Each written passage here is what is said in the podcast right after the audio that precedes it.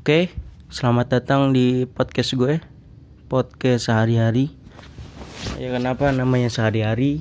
Jadi podcast ini cuman buat ya tempat gue nyurahin hari-hari gue lah. Tapi kalau bisa setiap hari, kalau nggak ya nggak apa-apa. Tapi belum tentu penting juga sih, nggak penting juga nih lo denger. Ini sebenarnya cuman jadi ya buat hari-hari gue aja. Kalau misalkan hari ini gue dapat apa jadi gue ceritain di sini dan gue bisa ngulang di kemudian hari buat ngedenger. Oke, makasih. Selamat dengar podcast sehari-hari.